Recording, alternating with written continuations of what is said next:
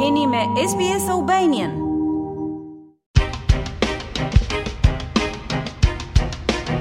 Më shumë se 2000 australianë humbin jetën çdo vit nga kanceri i lëkurës, një sëmundje e shkaktuar kryesisht nga rrezatimi ultraviolet. Tani është lançuar një aplikacion i ri celulari, SunSmart Global UV, për të rritur ndërgjegjësimin për dëmtimin e shkaktuar në lëkurë nga rrezatimi ultraviolet dhe për të ndryshuar sjelljen e njerëzve. Dy në tre australianë do të diagnostikohen me kancer të lëkurës gjatë jetës së tyre. Një prej tyre është 61 vjeçari nga Melburni, Keith Short. A lesion appeared on the back of my neck. Back probably 12 months ago, it was brought to my attention by a whole heap of guys that I play golf with. M'u shfaq një plagë në pjesën e pasme të qafës rreth 12 muaj më parë. Ma sollën në vëmendje disa djem me të cilët luaj golf. Më thonin vazhdimisht se duhet ta kontrolloja tek doktori. Pastaj më shtyu edhe gruaja dhe më në fund vajta për një kontroll. Dhe po, u gjet se ishte melanoma dhe duhej hequr. Një operacion me 35 qepje arriti të hiqte melanomën e Keithit, i cila ishte 25 mm e gjatë. Keith Short beson se kjo u shkaktua nga masat e dobëta për mbrojtjen e lëkurës gjatë gjithë jetës së tij. Tashmë dihet se mjaftojnë vetëm 11 minuta në natyrë pa mbrojtje nga dielli për të shkaktuar dëme në lëkurën e njerëzve. Kjo është kryesisht për shkak të efekteve të rrezikshme të rrezatimit ultravjollcë, të njohur si UV. Dhe tani, Një aplikacion i ri telefoni është zhvilluar për të rritur ndërgjegjësimin për rreziqet e rrezatimit nga dielli. Aplikacioni SunSmart Global UV u ofron njerëzve informacione në lidhje me nivelet ditore të rrezeve të dëmshme dhe këshilla për kohën kur mbrojtja nga dielli bëhet e nevojshme. Dr. Stuart Henderson nga Agjencia Australiane e Mbrojtjes nga Rrezatimi dhe Siguria Bërthamore thotë se aplikacioni është krijuar me qëllimin për të ndryshuar sjelljen e njerëzve. So what we're hoping it will do is remind people that they've got to protect their skin when they're out in the sunshine. Ajo që ne shpresojmë se ky aplikacion do të bëjë, është t'u kujtojë njerëzve se duhet të mbrojnë lëkurën kur janë jashtë nën rrezet e diellit, pavarësisht nga temperatura që mund të jetë.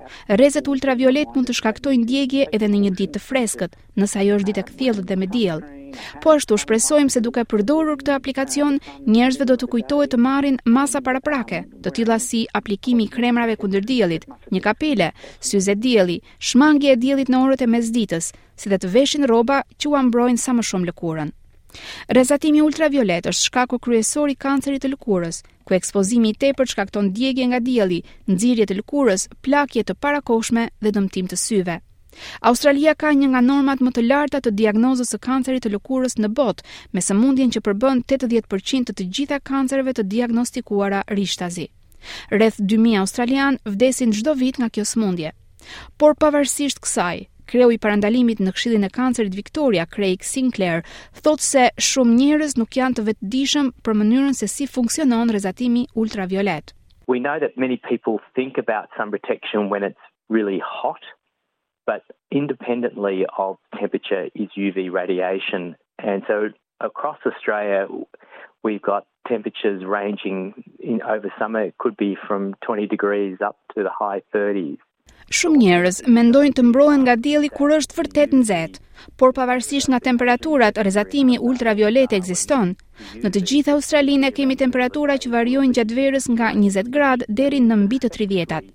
Por çka shumë njerëz nuk kuptojnë është se rrezet ultraviolet në të dyja këto raste, pavarësisht nëse jeni në Hobart apo Darwin, ato veçanërisht rreth mesit të ditës janë ekstreme.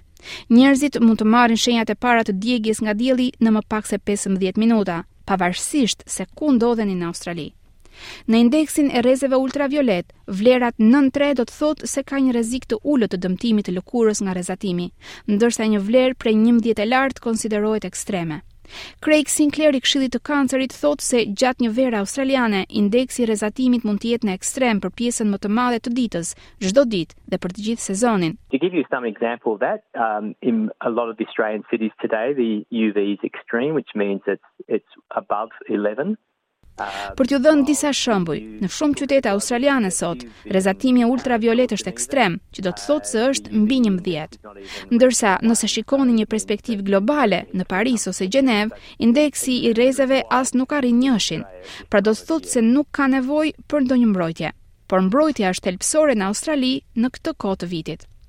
Megjithatë, normat e kancerit të lëkurës po rriten edhe në zona të tjera të botës.